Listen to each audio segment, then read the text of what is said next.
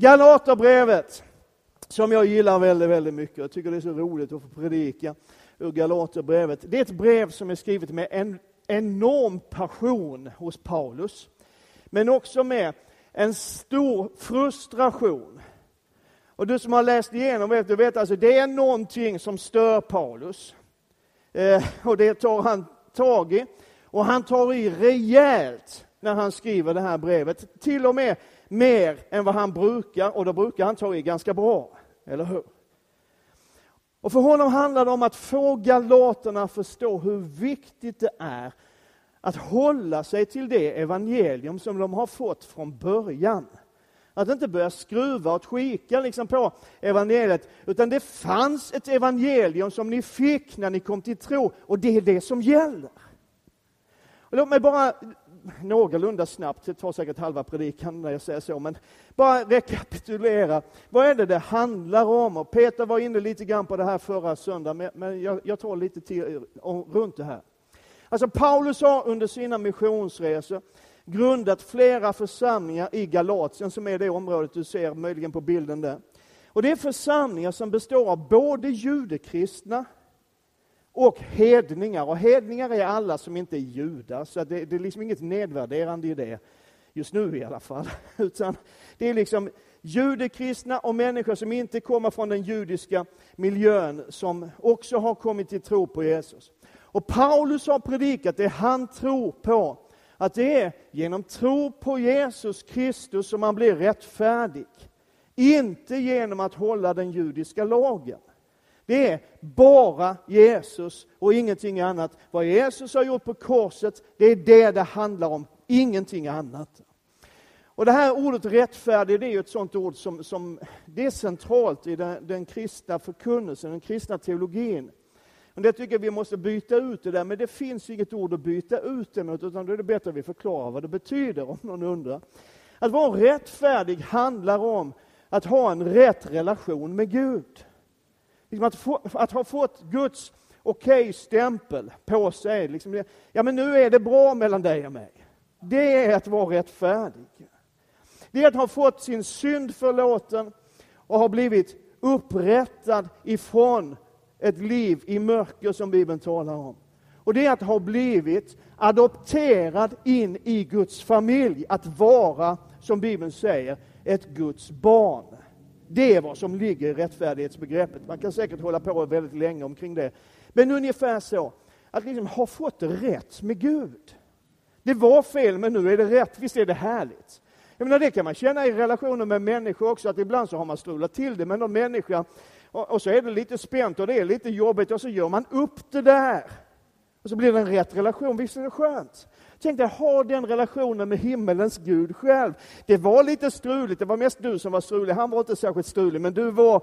Och sen så får du en rätt relation med din pappa i himlen och han bara tar in dig i sin famn och sätter in dig i sin familj och så är du, du är du okej. Okay. Det är rättfärdigt. Plötsligt så dyker det upp några judekristna från Jerusalem som menar att det räcker inte riktigt att tro på Jesus också. Det är som Peter uttryckte det förra söndagen, han sa, de, de tyckte liksom, ja men det där bara Jesus är bra, men ni behöver det här också. Eller hur? Vi har faktiskt, alltså bara Jesus är jättebra, men vi har faktiskt lite regler här också. Det var ju förstås inte den svenska lagboken, men jag hittade ingen annan bild, så den får duga. Eh, och det de framförallt tryckte på då, det var omskärelsen. Alltså tecknet på att man är i förbund med Gud. Det är viktigt också. Bara Jesus är jättebra, men vi tar det här också. Och Då kan man tycka, och Peter tog upp det också förra veckan, vad spelar det för roll?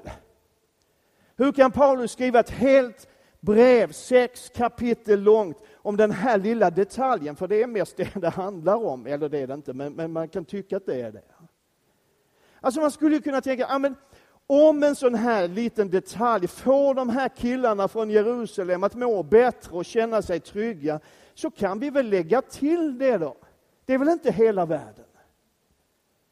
Men för Paulus är detta helt avgörande. Totalt avgörande. Han menar att ett tillägg till evangeliet, vad det tillägget än skulle vara.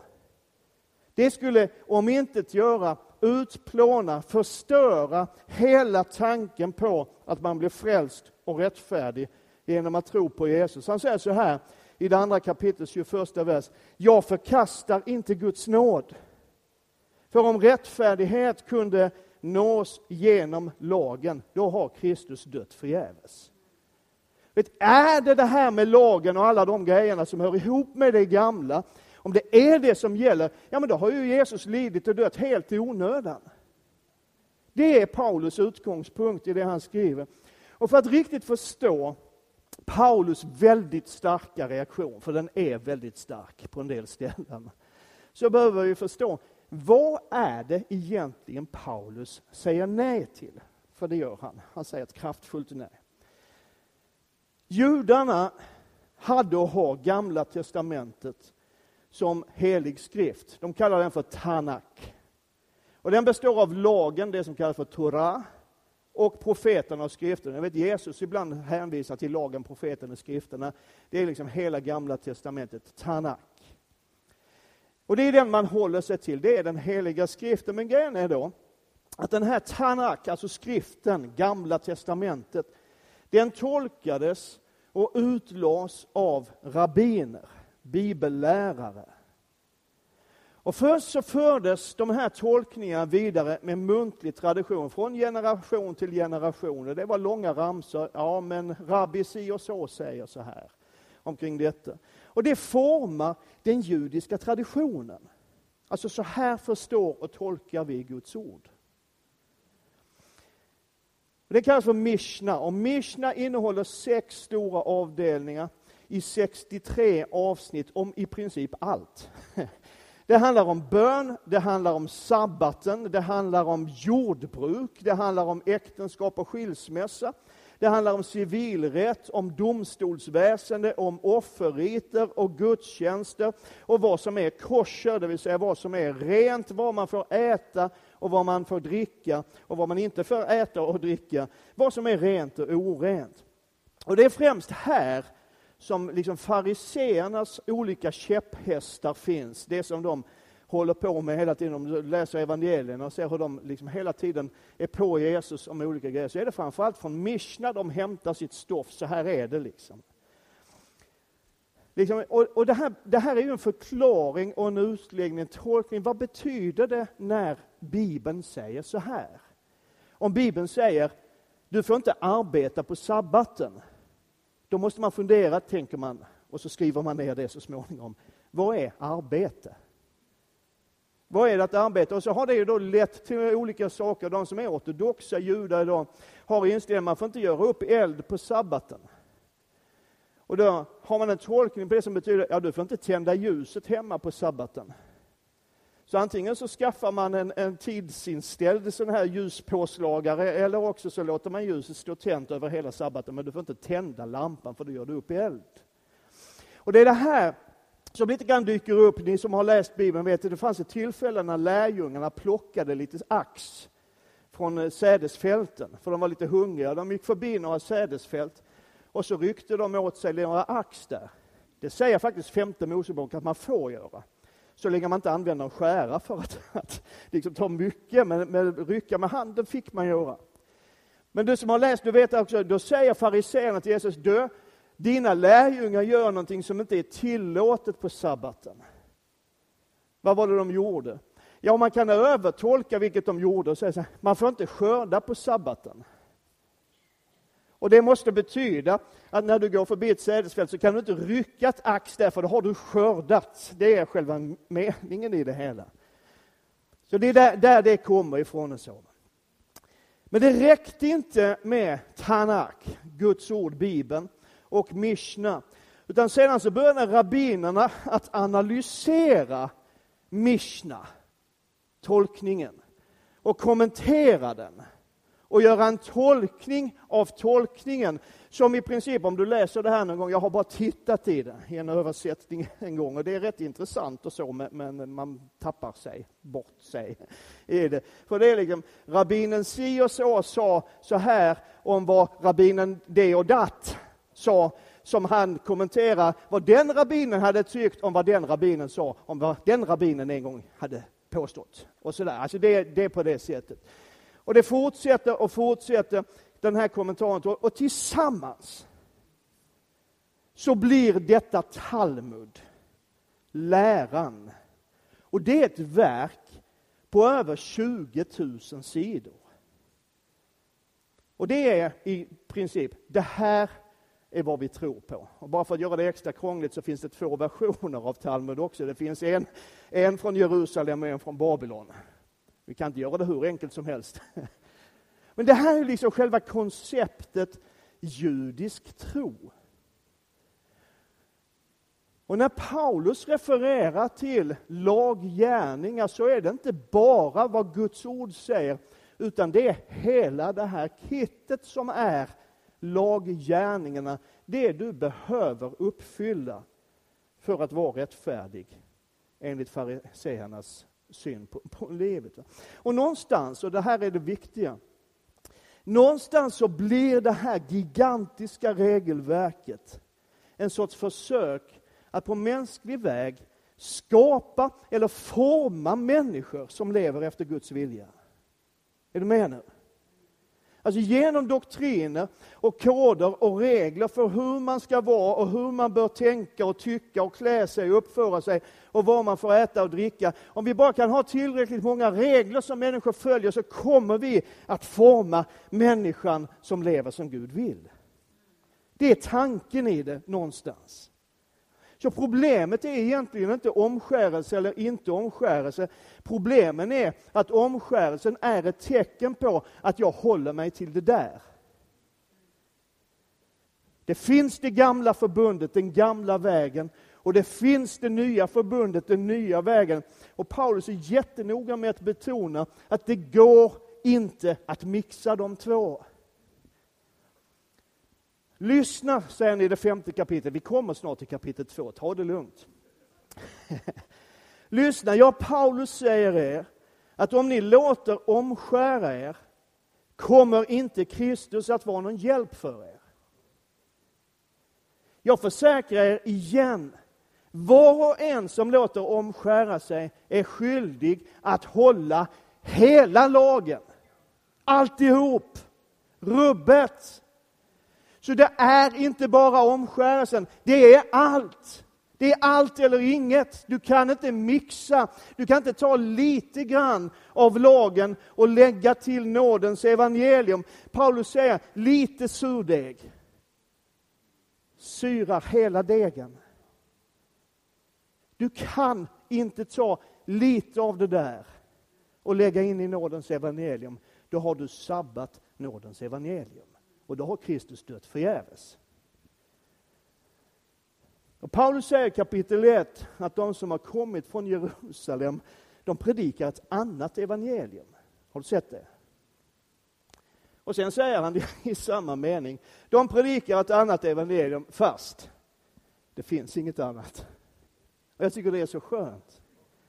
De predikar ett annat evangelium fast vi vet ju, du och jag, det finns inget annat evangelium. Vad är det han menar då? Jo, han menar att evangelium, ordet evangelium betyder gott budskap eller ett glatt budskap. Och det budskap som de här judekristna killarna från Jerusalem predikade är inget evangelium. Det är inget gott budskap, det är inget glatt budskap. Varför? Därför att det kan aldrig leda till frälsning. Så de predikar ett annat evangelium fast det är inget evangelium. Så vad är då den stora skillnaden mellan de här två budskapen? Mellan det som Paulus predikade och det som de här judekristna personerna predikade. Låt mig först säga, de här två vägarna, om man får använda det uttrycket, har samma mål. Målet är förvandlade människor. Är du med? Det är förvandlade människor som lever efter Guds vilja och som är representanter för Guds rike och Guds vilja i den här världen. Det är målet för båda riktningarna här. Samma mål. Men skillnaden ligger i hur man blir en sån förvandlad människa. För att följa lagen att hålla på reglerna och beakta alla förbud och påbud är ett inlärt beteende. Och Det här är viktigt. Håll kvar den tanken, för jag kommer tillbaks till den i, i, i den här predikan. Att följa lagen och hålla på alltihopa det här, det blir ett inlärt beteende. Det är någon som har sagt till dig hur du ska vara. Medan evangeliet visar att genom tron på Jesus Kristus föds någonting, föds ett nytt liv inom oss genom den helige Ande. Och det livet kommer sen att ta sig uttryck i det yttre, i vårt sätt att leva och vara. Ser du skillnaden? Att följa lagen och följa reglerna och beakta förbuden och beakta påbuden leder i bästa fall, och det här är också viktigt, det leder i bästa fall till någonting som ser ut som en förvandlad människa.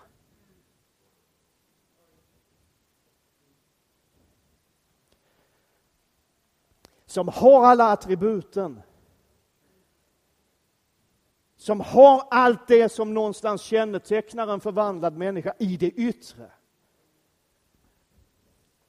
Medan den som tror på Jesus Kristus faktiskt blir förvandlad genom den heliga Ande. Vilken skillnad! Sjukt stor skillnad. Eller? Och Då kan man förstå lite grann att hela den här situationen skapar en rätt stor förvirring hos de stackars galaterna. De har kommit till tro på ett budskap, det som Paulus predikade, som gick ut på det är bara Jesus. Det finns inget annat, det är bara Jesus. Och sen kommer då några som verkar vara utsända från den stora församlingen i Jerusalem, fast det var de inte, men det verkade så. Och så säger de, det är bara Jesus och det här. Eller hur? Och då skriver Paulus till Galaterna och så är han jätteupprörd och säger nej! Så är det inte. Utan det är bara Jesus som gäller. Och det är klart att de undrar, liksom, finns det två evangelium? Predikar Paulus en sorts kristendom och apostlarna, resten av apostlarna en annan sorts kristendom och vilken är det i så fall som gäller egentligen? Och i kapitel 2, nu är vi äntligen där, det tog en stund. I kapitel 2 så visar Paulus väldigt tydligt, det är ett enda evangelium. Det är ingen skillnad. Han skriver så här i kapitel 2, vers 1. Efter 14 år, 14 år efter vad då? Ja, efter förra gången han var i Jerusalem. Vet, Paulus brydde sig inte så där mycket om att hänga med innegrabbarna. De som, som liksom var på topp. Alltså han struntade lite grann i samfundsledningen om man säger så. Alltså, när han blev frälst så tog det tre år innan han träffade någon av dem överhuvudtaget. Eller hur? Och sen så skriver han, ja, och 14 år efter det så tänkte jag, ja men nu är det väl dags att åka på pastorsdagarna på Clarion Sign. Nej, men, men så sen, efter 14 år kom jag upp till Jerusalem igen, nu med Barnabas, även Titus hade jag med mig. Jag reste dit efter en uppenbarelse, alltså det är någonting genom Gud talar till dem att det här är viktigt. Att ni liksom lägger till rätta, att du får koll på att det faktiskt bara är ett evangelium som predikas. Det här är bra, det här är viktigt. Åk upp till Jerusalem, träffa apostlarna, träffa ledarna i församlingen. Jag reste dit efter en uppenbarelse och la fram enskilt för de ansedda det evangelium som jag predikar bland hedningarna. Det var väl inte så att jag, att jag kämpade eller hade kämpat förgäves. Men inte ens min följeslagare Titus som är grek blev tvingad till omskärelse. Det fanns liksom ingenting där. Hade det varit att, att man i Jerusalem hade en annan syn så hade man ju gett sig på Titus och tyckt, ja men nu Titus, det är bara Jesus men vi har det här också. Men det gjorde de inte. Så fortsätter han i vers 6. Och de som ansågs betydelsefulla, det vill säga apostlarna, ledarna i församlingen i Jerusalem, Hurdana de nu var gör ingen skillnad för mig, Gud ser inte till personens yttre. Dessa ansedda ville inte ålägga mig något mer. Det är ännu tydligare i den engelska översättningen NIV säger They added nothing to my message. De la inte till någonting till mitt budskap. Ingenting, utan istället vers 9, så räckte de mig handen. Vi står tillsammans. Det är ett evangelium, det är inte olika. Och det finns en styrka i det. Vi står tillsammans, vi predikar det här. Så Paulus visar galaterna att det evangelium som jag predikar är samma som de andra apostlarna predikar. De judekristna som har varit hos er och predikat ett annat evangelium, fast det är inget evangelium, de har inget stöd varken hos apostlarna eller församlingen i Jerusalem. De har inget stöd någonstans. Och det är viktigt. Det är ett enda evangelium och den här bilden har du sett många gånger förut. Jag kommer fortsätta att visa den till jag faller död ner. Eh, ett enda evangelium som säger Jesus plus ingenting alls är lika med allting. Och varje budskap som säger någonting annat, menar Paulus, är inget evangelium. Jesus plus någonting är ingenting. Men Jesus plus ingenting är allting. Och då kan man undra, och det nu, nu kommer vi in på det vi egentligen skulle tala om idag, efter 25 minuter. En väsentlig fråga. Hur är det här relevant för oss? Alltså på vilket sätt är Galaterbrevet ett budskap till oss? Och jag menar att det är lika viktigt idag som då att vi håller oss till det enda evangelium som Bibeln lär oss. Det enda evangelium som finns, det är bara Jesus. För grejen är, jag kanske blir lite skarp idag, men det får du stå ut med. Jag brukar vara så mild och vän. Grejen är att vi har en tendens vi också att på samma sätt som de där judekristna som kom till Galatien, också vi, liksom genom regler och uppförandekoder, oftast outtalade, försöker att skapa eller forma människor som lever rätt och som lever efter Guds vilja. Och risken är att det fortfarande leder till människor som ser ut som om de har blivit förvandlade. Ni som är min ålder och äldre, alltså över 25, eller något. Ja, men ni som är min ålder och lite äldre än så, ni har vuxit upp i kyrkan. Ni vet ju, det fanns ju liksom, när vi var unga, det fanns en del saker som liksom kom på köpet. Eller hur? Liksom, nu är du ju frälst då är det det här som gäller. Lite så, eller hur? Och när jag gick på högstadiet i Malmö, vi var ungefär 800-900 elever, en stor skola i, i, i Malmö med så många elever. Så var, vad jag vet om så var vi två som kom från frikyrkliga hem. Det var jag och Inga Lille Åkesson. Kommer du ihåg henne, mor? Min mamma är här. Eh, det är de jag vet om överhuvudtaget. Jag kan ärligt och en liten aning sorgset någonstans konstatera att jag aldrig under hela min skolgång var speciellt frimodig med att stå för min tro. Och när jag kom in på högstadiet så var jag nog inte ens riktigt säker på alltid vad jag själv vad jag trodde på. Men det fanns några av mina närmsta kompisar, de jag hängde mest med, som liksom kände till det här med det frikyrkliga arvet. En del av dem var till och med med mig på, på kyrkans scoutsgrupp någon gång. Så. Men grejen är, och det här har jag tänkt på en del efteråt och tycker att det är lite grann skrämmande. Det de visste, mina kompisar, vad de visste om kristen tro. För det var det här, ja men då får du inte, du får inte dricka och du får inte röka och du får inte svära och du får inte gå ut och dansa. Och något senare så kommer det också till, och du får inte ha sex innan du är gift, men det vill jag inte illustrera här så därför skippar jag det. Men, men grejen är att i klass 9C på Kirsebergsskolan i Malmö, i mitten, eh, slutet av 70-talet någonstans där, det mina kompisar kände till om kristen tro var vad man inte får göra. Och Peter tog upp förra söndagen den här undersökningen som Barna-institutet gjorde för några år sedan i USA. Där man frågade tusentals amerikaner vad de tänker på när de hör ordet kristen. Och toppsvaren var anti-gay, alltså mot homosexuella, och anti-abortion, mot abort. Och det är någonting djupt tragiskt. Och man måste säga att kyrkan har misslyckats. När det människor först kommer att tänka på när man pratar om kristen tro, pratar om kyrkan, det är sånt som de har uppfattat att vi är emot. Eller hur? Och det är ju inte deras misslyckande. Utan vårt.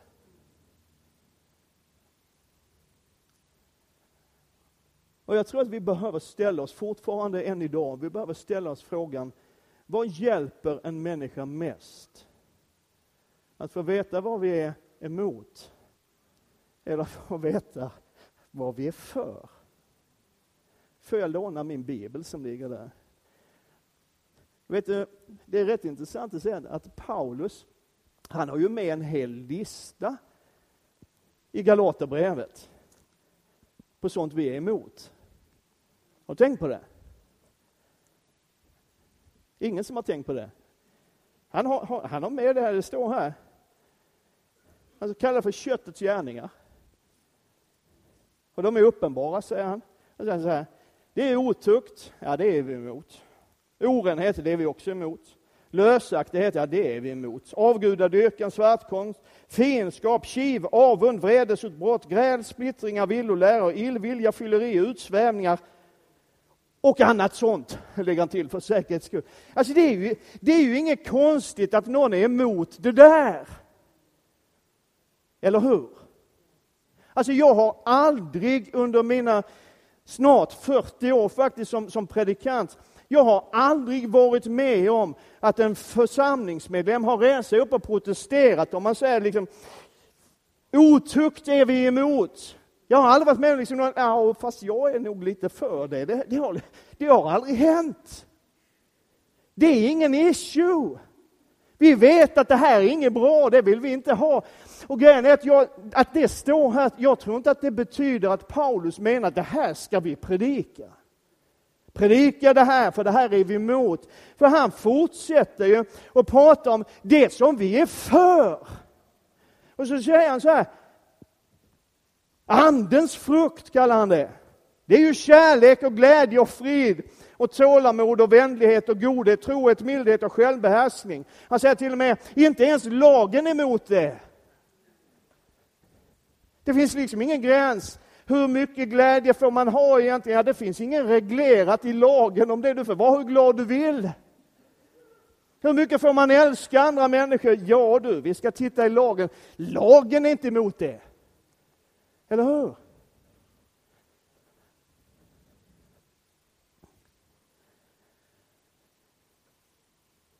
Är det bäst att tala om för människor att vi är emot kiv och avund och vredesutbrott och gräl och splittring? Eller att tala om att det finns något annat. Det finns tålamod och vänlighet och mildhet och godhet och sagt vad, vad, tror du, vad tror du landar hos människor? Varför tar du upp det här Hultberg? Jag tar upp det här därför att det handlar om din och min attityd. Jag tror inte du kommer höra mig så särskilt många gånger predika om vad jag är emot. Jag predikar mycket hellre vad jag är för. Jag blev inbjuden till en gemenskap, man skulle bilda ett nätverk av pastorer med lite apostolisk syn på församlingen och sånt där. Jag blev inbjuden att vara med och bilda det här nätverket. Och när man satt och började diskutera det här så, så började man diskutera vad är kriterierna och kriterierna började mer och mer handla om ja, men du får inte vara frånskild och omgift och du får inte använda alkohol. Så, och till slut så reste jag mig upp och åkte hem därifrån för jag vill inte vara med i ett nätverk av pastorer som definieras utifrån vilka som inte får vara med.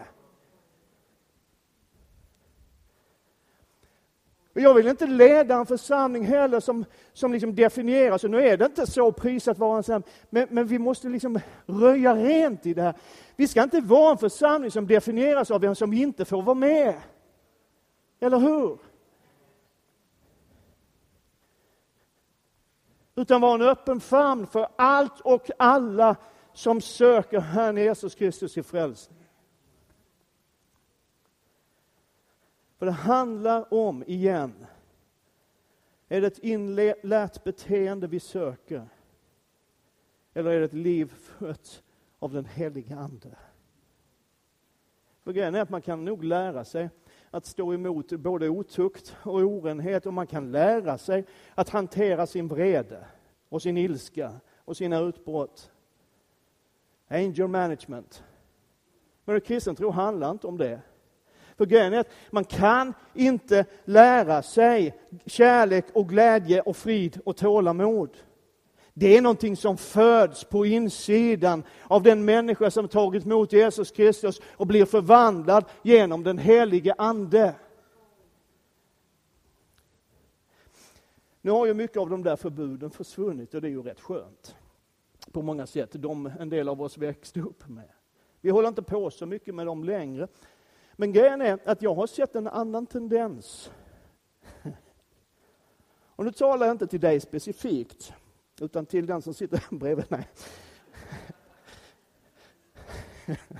Jag talar inte ens till den här församlingen specifikt egentligen, utan jag talar, alltså jag har lagt märke till en trend rent allmänt i kristenheten, och den har pågått ganska länge. Och det som är så sjukt jobbigt med det här, det är att jag har sett den här tendensen hos mig själv.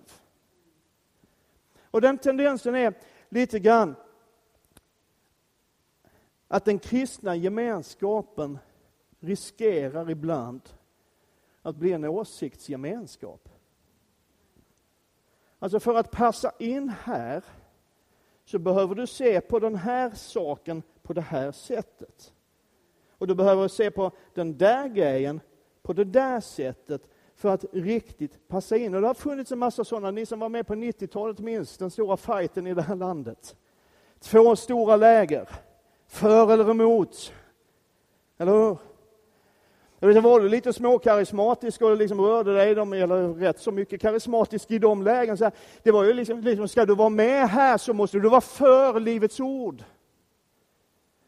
Å andra sidan, de som var lite tveksamma till, till Livets Ord och det de stod för under sin mest kontroversiella tid i, i landet, så var det liksom, ja men ska du vara med oss, då måste du vara mot Livets Ord. Eller hur? Och där har ni som är, är lite yngre ingen aning om vad jag, det jag pratar om, glöm det. För det som är det väsentliga, det är vad har blivit de där markörerna idag? De där markörerna som säger att du är okej okay och du är inte okej. Okay. Jag har sett några grejer, egentligen skulle man inte lista dem, men jag gör det ändå, för att jag tror att det här är väsentligt för oss. Liksom, ska du vara med oss, så behöver du ha den här synen på äktenskap. Ska du vara en del av vår gemenskap, då ska du ha den här synen på dopet. Då ska du ha det här förhållningssättet och tro så här när det gäller den heliga Ande och Andens dop och Andens gåvor och alltihopa det här. Eller ska du hänga med oss och känna att du är ett med oss, då ska du ha den här synen på Israel och Israels roll i, i frälsningshistorien. Och en del, av, en del av det här, eller alltihop det här, det är ju viktiga grejer, men frågan är hur viktiga är de? Och blir de ett tillägg till evangeliet? Jag gjorde en upplevelse för, för en del, det är ganska många år sedan nu, men jag var med om någonting som jag hoppas har lärt mig någonting.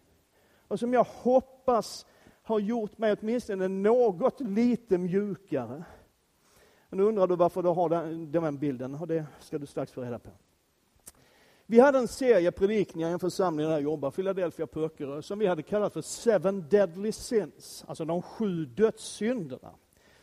Ehm, för att vi tyckte det var en cool titel mest, tror jag. Nej. Men alltså, du vet, dödssynder, det är ju ingenting som vi pingstvänner eller EFK-are tror på. Men eh, man gör det i den katolska världen. Där är det ett begrepp, de sju dödssynderna som är högmod, girighet, lusta, avund, frosseri, vrede och lättja. Och vi talade inte så mycket, jag får säga det till vårt försvar, vi talade inte så mycket om synderna i sig själv, utan vi talar mer om hur man vinner seger över dem. Det kan väl vara sunt? Lite, eller? Ja. Och inte för att vi trodde heller att det liksom finns vissa synder som är värre än andra synder, utan vi, vi liksom tog det här som ett spännande ämne och vi tänkte det är bra att fundera över som kristen hur man vinner över den typen av frestelser i sitt liv. Och i alla fall under den här resans gång så fick jag, tyckte jag själv, den briljanta idén att bjuda in en katolsk präst att tala i vår kyrka omkring de här ämnena. Vem kunde liksom vara bättre insatt i en katolsk dogm än en katolsk präst? Så tänkte jag. Rätt eller fel? Men han lovade att komma, den här katolska prästen från Göteborg som jag ah, fick kontakt med. Han lovade att komma, så han kom en söndag. Jag mötte honom ute på parkeringen eh, utanför Philadelphia på Öckerö. Och vi stod där och pratade lite grann och sen så frågade jag, ska vi gå in kanske? Och då så säger den här prästen, ja, jag ska bara ta ett blås först, sen.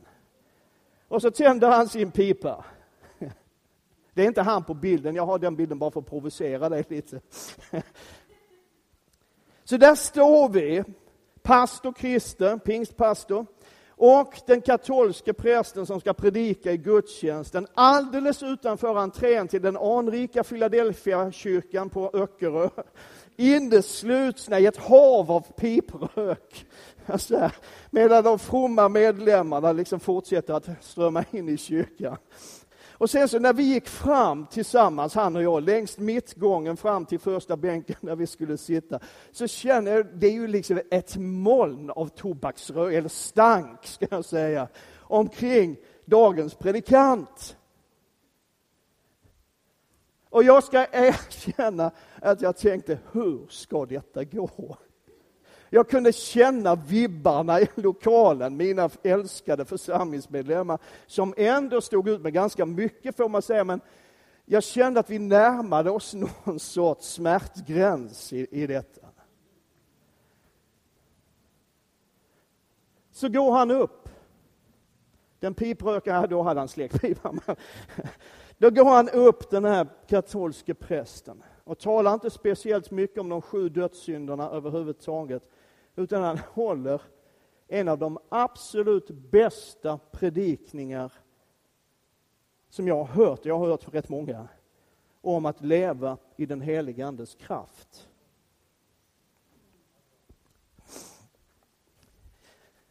Och någonstans där så hände någonting med mig. Och någonstans där så hände någonting i mötet och i församlingen. För när han var klar med sin predikan så var det som om hela luften vibrerade i fyllan på Öckerö.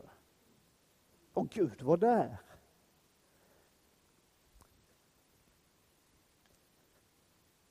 Och jag tror att jag lärde mig den dagen. Och jag tror det här är en viktig läxa. Att människor behöver inte vara exakt som jag. Man behöver inte tro exakt som jag. Och man behöver inte leva sitt liv exakt som jag. Och låt mig skjuta in det så du inte missförstår och går hem och säger någonting annat. Jag har en och annan, ganska många kraftfulla invändningar mot katolsk teologi, dogmatik och praktik. Så du vet det. Så det är inte där det sitter. Okej? Okay? Men man behöver inte vara som jag och tycka som jag och tänka som jag och leva sitt liv exakt som jag tycker att man ska leva sitt liv. Man kan vara en sann kristen i alla fall. Och människor kan vara fyllda av den helige Ande ändå. Jag lärde mig den dagen, och jag, jag hoppas jag kan hålla fast vid det här för resten av mitt liv, att mitt liv och mina åsikter är inte mallen. Det är inte normen. Och vet du kära systerbror, jag tror det här är någonting som vi lite till mans och kvinns behöver lära oss. Och förstå. Vet, jag har, och jag tycker jag har rätt att ha ganska starka uppfattningar i många frågor. Inte minst i teologiska frågor. Jag vet vad jag tror på, för det mesta. Men det här är så skönt och det här är så befriande. Men det är inte jag som är facit.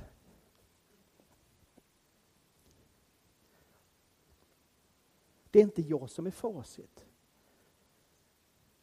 Och vet du, det är inte du heller. Och ännu mindre än du, så är den som sitter vid din sida är definitivt inte facit. Säg det åt Nej, gör inte det. Vet, vem är min broder och min syster? Den som älskar Jesus och litar på hans nåd. Ja, men nej, det finns inga ja, men. Den som älskar Jesus och litar på hans nåd och vet att det är bara genom tron på Jesus som jag kan bli frälst. Det är min broder och min syster. Ja, men du. Om de har den där synen. Alltså Paulus säger ju det. Det finns inga tillägg. Det finns inga andra måsten. Det finns ingenting som du måste uppfylla utöver det. Men sen föder Anden ett liv som tar sig uttryck i det yttre och i vårt sätt att leva. Men det är ju en helt annan sak. Eller hur? Eller hur? Är du här? Vad bra. För om vi ska vara ärliga, och jag tycker man ska vara det. Så vi vill ju inte ha en församling av människor som ser ut som om de känner Gud. Vi vill inte ha en församling av människor som uppför sig som om de har blivit förvandlade. Vet, jag har ju hellre en församling av människor som inte alls ser ut som om de har blivit det minsta förvandlade, men faktiskt har blivit det. Eller hur? Jag har ju hellre en församling som inte alls uppför sig som de borde göra, men som är förvandlade. Och allra helst har jag en församling av människor som faktiskt har blivit förvandlade och det märks och syns i deras liv.